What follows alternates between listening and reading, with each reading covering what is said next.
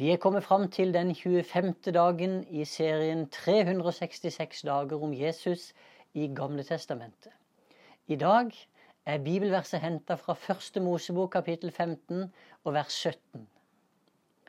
Solen gikk ned, og det ble mørkt. Og se, en rykende ovn kom til syne, og en flammende fakkel for mellom kjøttstykkene. Dagens tittel er Guds evige ed.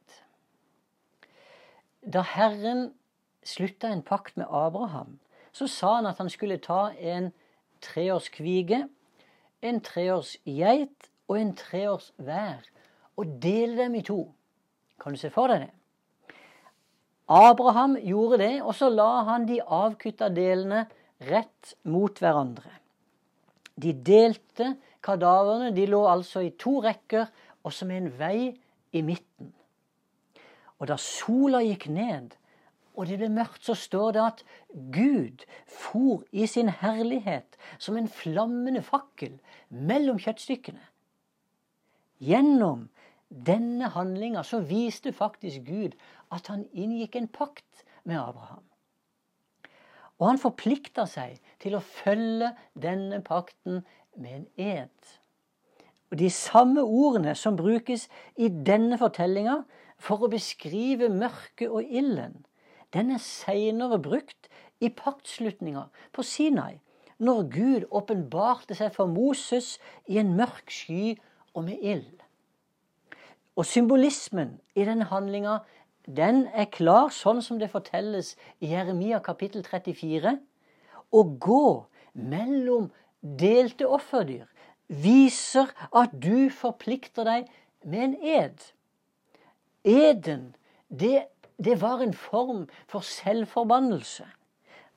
Den som sverga eden, han, han, han, han sa noe sånt.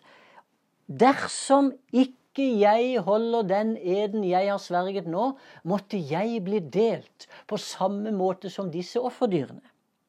Dette var Guds løfte og forpliktelse overfor Abraham. Tenk det! Hvis ikke jeg holder det jeg lover for deg, Abraham, så skal jeg bli delt sånn som disse dyrene. Abraham kunne med andre ord være sikker på at Gud skulle holde pakten. Mens alt dette skjedde, så lå Abraham faktisk og sov. En dyp søvn var kommet over han, og det sier seg selv, han var jo da ingen aktiv part i selve paktsinngåelsen. Men en passiv tilskuer. Han lå og sov. Men han var likevel den som fikk alle fordelene.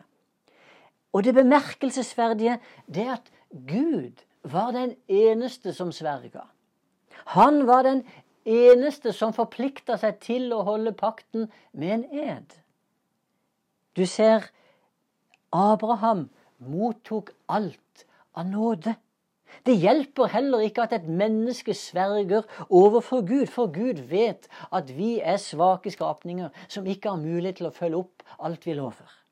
Og Derfor så lærte jo også Jesus oss at vi skal ikke sverge, verken ved det som er i himmelen eller det som er her på jorda. Dersom Gud har lovt noe, ja, så må han holde det. Han er forplikta til å holde sitt ord, for han kan ikke lyve. Og selv om vi er troløse, så er han trofast, for han kan ikke fornekte seg selv. Hva så med syndene som Gud visste at Abrahams og hans etterkommere skulle gjøre i hopetall? Vil ikke disse generasjonene en dag da bli fortært av Guds flammende ild? Svaret på sånne spørsmål de blir jo først fullt åpenbart under Golgatas mørke. Der skulle Guds egen sønn bære straffen for Guds forbannelse. Ikke fordi han var skyldig, men fordi Jesus, Jesus tok plassen til de skyldige. Guds nådes ed med Abraham pekte altså forbi århundrene med fangenskap i Egypt og forbi gaven med det lovede land. Den handla egentlig om den dagen da Gud skulle vise for alle at han forplikta seg til pakten. Og det ble bevist på Golgata ved at den ble betalt ved hans sønns blod. Det er forunderlig hvor likt fortellingene i Gammeltestamentet og Nytestamentet fremstilles. Gud ordna alt mens Abraham sov. Og da Jesus kjempa i Getsemane, så lå også disiplene hans og sov. Da han døde på korset, ja, så hadde alle flykta. Jesus måtte lide og dø helt alene. Og ingen kan rose seg og si at de hjalp ham.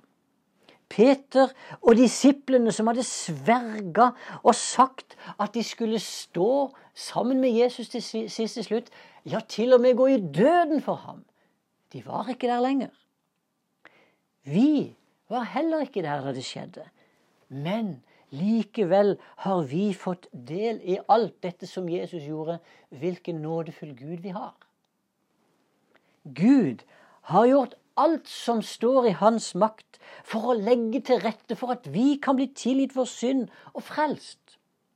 Og for at vi skal forstå at Gud mener alvor med pakten han har inngått med oss, så har han altså forplikta seg med en ed. Hør åssen det står i hebreerbrevet.